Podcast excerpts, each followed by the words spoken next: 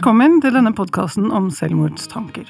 I studio sitter Karoline Torbjørnsen fra Sykt ærlig og Fredrik Valby fra Nasjonalt senter for selvmordsforskning og forebygging. Jeg heter Katrine Paulsen, og jeg er redaktør i magasinet Psykisk helse. Vi skal snakke om hva selvmordstanker er, hvordan man kan kjenne dem igjen, hvordan man kan skille mellom farlige og ufarlige tanker, og hva man kan gjøre for å hjelpe seg selv eller andre som har slike tanker. Så først, hva er selvmordstanker? Ja, det er kanskje et litt vanskeligere spørsmål enn du har tenkt. Eh, jeg tenker at selvmordstanker kan være så mangt, ja, og kan være i både veldig mange typer og, og veldig mange grader. Men det handler om at livet ikke er verdt å leve? Det handler på en eller annen måte om i hvert fall at, um, at livet oppleves vanskelig. Uh, og så kan det være liksom alt fra det helt filosofiske. At um, er det egentlig noe mening med dette her? Um, ønsker jeg å leve, eller også er døden kanskje et bedre alternativ? Til på en måte det helt akutte og enda mer konkrete. Er det vanlig? Igjen så er det avhengig av liksom hvordan vi definerer det, da. Men det å ha, det å ha hatt noen litt sånn som jeg kaller filosofiske eller litt mer sånn diffuse eh, tanker om at kanskje er det eh, livet ikke verdt å leve, det er veldig vanlig. Det har alle hatt på et eller annet tidspunkt. Eh, og så viser forskning også ganske tydelig at mer konkrete selvmordstanker, eh, det har i hvert fall halvparten av befolkningen hatt på et eller annet tidspunkt i livet. Karoline, du jobber i Sykt ærlig. Hvor mye opplever du at eh, de som tar kontakt med dere, snakker om det? Vi får ganske mange henvendelser som i bunn og grunn dreier seg om mennesker som har tanker om å ta sitt eget liv. Men det er ofte veldig sånn pakket inn i andre ting. I at dagene er kjipe, eller verden er teit. Og så etter hvert så finner vi jo ut at her ligger det noe mer bak, da. Men tør vi snakke om selvmordstanker? Alltid? Eh, nei. Det er min erfaring i hvert fall at de fleste tør ikke å bare brase ut med det. Det tar ofte litt tid, og eh, vi ser i hvert fall at de som kontakter oss, de har lettere for å fortelle oss det, fordi de vet at mange av oss som er tilgjengelige på sosiale medier, vi har erfart å ha de samme tankene sjøl, så da er det kanskje litt lettere å åpne seg opp. Har du hatt eh, selvmordstanker, Karoline? Ja. Det har jeg. Det er ved flere anledninger, egentlig, men første gangen var vel da jeg var 16. Eh, og da gikk det så langt at jeg hadde et selvmordsforsøk og eh, klarte meg heldigvis. Eh, og det var da jeg måtte fortelle det til de rundt at det var det som var Men det tok litt tid å fortelle det?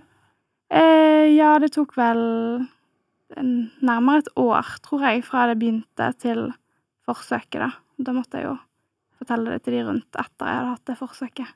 Men du var 16 år, sa du, og det er kanskje en spesielt vanskelig tid? Eh, ja, det, det, var i hvert fall det for meg, og jeg ser jo at det, det, er jo noe som går igjen blant unge, at det er en krevende periode. For de står litt sånn mellom barn og voksen, det er masse forventninger, og spesielt i dagens samfunn så er det mye mer press og eh, krav til de enn jeg føler at det var til meg da jeg var 16, selv om det bare er ti år siden, liksom. Så ja. Men da du fortalte det, gikk det over? Eh, ja, gradvis gjorde det jo det. Det tok veldig lang tid, og det var en veldig vanskelig periode med mye konflikter hjemme og mye Altså vanskelige relasjoner til venner og folk som visste om det, da. Um, men etter hvert som jeg kom inn i voksenpsykiatrien, så fikk jeg en behandler som så litt bak det forsvaret på en måte de selvmordstankene illustrerte, da. Uh, og da slapp det ganske fort tak når jeg fikk snakket ordentlig gjennom det som faktisk lå bak. Er det gjerne slik at tankene må opp og frem for å gå over? Ja, og jeg tror i hvert fall det er sånn som Karoline beskriver, at det er jo alltid noe som ligger bak. Så jeg er opptatt av at vi skal ha en åpenhet om selvmordstanker, og vi skal snakke om det, men, men vi må gå et skritt videre. Eh, for det er jo Jeg tror det er ingen som har selvmordstanker i vakuum. Det er ikke sånn at du liksom bare våkner en dag, og så har du en selvmordstanke. Altså, det er noe i livet ditt som er vanskelig, på et eller annet nivå, som ligger rundt der, og, og vi må også ha med det. Ja, hva skal vi gjøre da, når vi har de tankene? Altså hva, hva den enkelte ja, skal gjøre? Ja, for å få dem til å gå over. Um, nå sa vi jo litt i stad at det er vanlig å ha, ha hatt selvmordstanker på et eller annet nivå. Men hvis du har veldig konkrete selvmordstanker, og det er noe som har dukket opp brått, så skal du søke hjelp, mener jeg. Uh, da skal du finne uh, en person, helst i helsevesenet, en fastlege, en helsesøster, legevakt, et eller annet, og få snakket om det og prøve å finne ut hva er det for noe.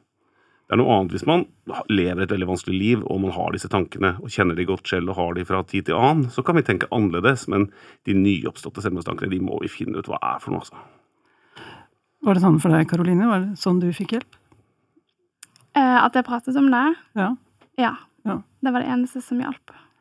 Tror du at det er mange som har det sånn? Ja. Det, jeg vet at jeg ikke er den eneste som har hatt det sånn, eller som har det sånn til, til tider, så ja, jeg vet at det er mange. Når du først søker hjelp, og du snakker med en psykolog som er kvalifisert, eh, er det sånn at da løsner det? Eh, nei, det er jo enormt mye jobb, da. Eh, og det er jo noe jeg prøver å fortelle til de som tar kontakt med oss òg, at her har du en jobb foran deg som kommer til å bli kjempevanskelig. Um, men det kommer til å bli veldig, veldig verdt det når du kommer til bunns i det. Hva med smitteeffekt? Det er mange som har hørt at selvmord smitter, og derfor vil vi ikke snakke om det. Ja, um, og smitteeffekten er reell, og smitteeffekten er viktig, men den dreier seg jo på en måte om hvordan vi kommuniserer rundt dette her i allmennheten, og særlig i media og i populærkulturen, uh, når det gjelder det enkelte mennesket, um, som f.eks. har har selvmordstanker, da, så er man, kan man si man er smittet fra før av. Så da gjør det jo ikke noe vondt verre å snakke om det. På ingen måte. Snarere så er jo det da en mulighet for å finne ut hva det er for noe, og for å kunne få hjelp. Karoline, du jobber altså i Sykt ærlig. Det er en kanal for unge med psykiske utfordringer. Og mange tar da kontakt, blant annet om selvmordstanker. Hva gjør dere da? Eh, det er litt eh, variabelt. Altså, vi er jo ingen helsetjeneste. Vi har jo ikke kompetanse til å eh, gi diagnoser eller ta på en måte medisinske avgjørelser sånn sett. Men noen ganger så ser vi at det er mennesker som bare trenger noen å prate med. Og det er vi jo kvalifisert til. Vi kan jo rekke ut en hånd og lytte til det de har å si. Eh, mens andre ganger så er det jo mye mer akutt, og eh, da tar vi alltid kontakt med politi eller legevakt for å få videre veiledning, eller for å få de til å rykke ut, eventuelt. Er det noe som de snakker, de som tar kontakt, snakker liksom mest om?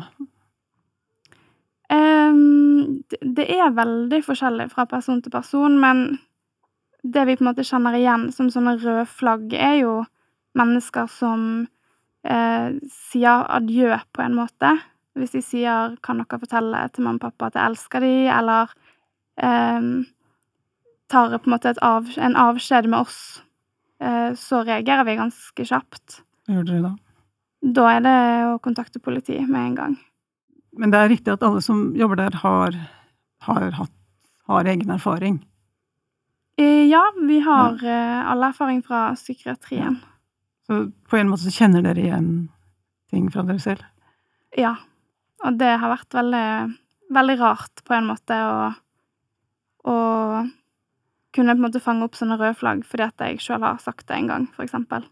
Men vi som ikke jobber i, der, hva skal vi være mest oppmerksomme på? Eh, altså, jeg tenker at det jeg skulle ønske at de rundt meg så, var jo eh, den endringen som skjedde med meg. Eh, og greit nok at jeg var ungdom, og man forandrer seg når man er ungdom, men det er forskjell på det å forandre seg på en positiv måte, og det å forandre seg på en negativ måte, da. Så jeg tenker jo at hvis man merker at de man er glad i, isolerer seg, eller kommer med utsagn om døden, eller mister interesse for det de før har vært interessert i, og eh, er mindre glad enn de har pleid å være, så er det jo eh, ganske tydelige tegn på at eh, kanskje man bør ta en prat med vedkommende, da, og finne ut hvordan de egentlig har det. Ja, jeg er helt enig i dette. Og, og ikke, også spørre om sendestanker, og gjerne spørre helt konkret om det. Men ikke bare gjør det, men også spørre nettopp hvordan har du det, og hva er det som er vondt i livet ditt. Mm. Er det eh, ting som vi ikke trenger å være bekymret for? Dette er jo alltid et vanskelig felt, da, på alle mulige måter. Men um, det er jo typisk Hvis jeg skal ta litt Jeg er jo psykologspesialist også. Uh, og hvis jeg skal ta litt sånn helsevesenperspektiv i det, så blir jo mange helsepersonell veldig bekymret hvis noen kommer og forteller om selvmordstanker. Uh, og jeg tror heller at vi kanskje heller skal være, skal være litt mindre bekymret når folk kommer og, og, forteller, og prøve heller å finne ut hvor det brenner, og hvor vi kan, um, hvor vi kan gjøre noe for å hjelpe. For jeg er mye mer bekymret for de som ikke kommuniserer rundt dette i det hele tatt. Der får vi jo ikke et vindu inn til å bistå i det hele tatt. Hva tenker du, Karoline? Ja, jeg er helt enig. Jeg har erfart sjøl at jeg har eh, fortalt dette til psykolog og blitt møtt med at da er ikke jeg eh, ja, da kommer jeg til å stanse behandlingen, fordi at det å ha selvmordstanker gjør at man ikke kan behandle. Og det er jo for så vidt riktig. Altså, du kommer jo ingen vei hvis du hele tiden tenker på å ta livet ditt, men når jeg eh, på en måte åpnet meg opp og fortalte det, så var det jo helt feil respons. Og jeg hører jo flere av de som tar kontakt med oss, som har delt at de har tanker om å ta livet sitt, som blir møtt på helt altså forferdelige måter. Blant helsepersonell? Ja. Men helsepersonell har en plikt til å spørre hvis de mistenker det. Er ikke det riktig? Ja, man kan jo si det. Altså, helsepersonell har jo alltid en plikt til å opptre forsvarlig. Um, og i det så betyr det jo at du må jo skjønne noe av uh, den personen du snakker med, den personen du skal hjelpe, hva vedkommende sliter med. Og da hører det absolutt med å, å spørre om selvmordstanker. For det, hvis vi da er litt for inn, sånn, hvis vi er nå litt innenfor helsevesenet, så er det jo nesten normalt at mennesker som sliter med depresjon eller eh, traumer eller personlighetsproblematikk eller hva det er for noe, har noen selvmordstanker. Så da må vi jo få det fram, absolutt. Men det betyr ikke at vi nødvendigvis skal agere så veldig mye og bli så innmari bekymra med en gang. Og det er vel kanskje litt det du sier, Karoline? Ja, hva er ditt råd til helsepersonell? Eh, jeg tenker at eh, Ja, godt spørsmål. Jeg vet ikke. Bare det å være være imøtekommende er jo åpenbart en ting man, mange må nødt til å jobbe litt mer med, tror jeg. Hvert fall ut ifra de tilbakemeldingene vi får. Um, og så spesielt disse som har um, altså diagnoser der de har tilbakevendende selvmordstanker, og kronisk suicidal, for eksempel. Uh, hører skrekkhistorier om det nesten hver eneste dag, i måten de blir møtt på. Eh, for selv om de har dette stempelet eller den merkelappen, så er de jo fortsatt mennesker med helt uh, gyldige følelser, på en måte. Så jeg tror det må gjøres noe med hvordan man behandler mennesker som lever med selvmordstanker. En forsker har sagt tidligere at mange som prøver å ta livet sitt, egentlig ikke ønsker å dø, men de ønsker bare ikke å leve slik man gjør. Hva kan vi gjøre som venner og pårørende da? Det er vel masse man kan gjøre. Eh, det å vise at man bryr seg og er til stede, er jo kanskje det viktigste. Jeg tenker at for min del så har det ikke hatt så mye å si hva folk har sagt. Um, bare mer hva de har gjort. Hva tenker du, Fredrik? Jeg syns det var kult sagt. Vi har jo en tendens til å bli sånn innmari opptatt av den hele samtalen hele tiden. Og også om selvmordstanker. Igjen, det er viktig at vi gjør det, men, men, livet er også mye annet, og det er like viktig da hva man gjør. og um, det, det, samme gjelder jo det å støtte en venn. Det kan like mye være å være til stede sosialt, legge til rette for en ålreit aktivitet. Uh, altså Mange sånne ting, ikke bare i samtalen hele tiden. Ehm, dødsårsakregisteret viste en svak nedgang i antall selvmord fra 2018 til 2019, som er det siste vi har tall for. Går det rett vei? nedgang er jo bra. Det går jo riktig vei. Men jeg syns jo fortsatt at vi har altfor høye selvmordstall, da. Hva mener du, Fredrik? Hvis vi ser det store bildet, da, Norge er et ganske lite land. ikke sant? Sånn at Hvis vi begynner å dele opp dette fra år til år og på alder og kjønn, og sånn, så er det alltid noe som går litt opp og alltid noe som går litt ned. Men den store trenden er jo at øh, selvmordsratene i Norge de ligger helt flatt. Så vi klarer på en måte ikke å komme oss lenger nedover, og det er det store problemet. Hva skal vi gjøre da? For, jeg, for, å få det ned? Nei, Jeg tror vi må gjøre flere ting. Uh, men uh, det ene er jo at vi må, vi må, ha mye større innsatser totalt sett i forhold til hvor stort dette problemet er. Altså, 650 mennesker omtrent tar sitt eget liv hvert eneste år, og som vi akkurat snakket om, det ligger helt flatt. Og da må vi ha bedre innsatser hos de gruppene som vi vet sliter, altså de som er i behandling eller nettopp har vært det, som er, har en voldsom risiko, og så må vi klare å i større grad treffe deler av befolkningen som vi ikke treffer nå. Og da er det den gruppa som vi ikke treffer, er jo først og fremst middelaldrende menn. Som har høyere selvmordsrater enn resten av befolkningen, men som er mye mindre i kontakt med alle typer hjelpetjenester. Ja, hva tenker du er det viktigste å gjøre, Karoline? Um, ja, jeg tror um, Altså Nå er ikke jeg noen forsker her, da, men uh, en av tingene vi snakker veldig masse om i Sykt ærlig, er jo dette, altså holdningene rundt selvmord. At med en gang det, det, er noen som tar livet sitt, så tenker vi 'oi, stakkar de', og sånn, blir et veldig skille mellom oss og de som har mistet noen til selvmord. Uh, og så glemmer vi litt uh, det å tenke på at selvmord er faktisk et samfunnsproblem, det er ikke et individproblem det er jo samfunnet som på en måte skal legge til rette for at alle mennesker skal klare seg eh, med de forutsetningene de har. Og jeg tenker at eh, når gjennomsnittlig 650 mennesker hvert år tar livet sitt, så er det jo òg alle de som sitter rundt, som vil slite etter det. Eh, så ja, holdningsproblem. At det må mer ut at her er det alle sitt ansvar å ta på en måte en del av kaken og hjelpe til der vi kan, da. Ja, takk for det, Karoline eh, Torbjørnsen og Fredrik Valby.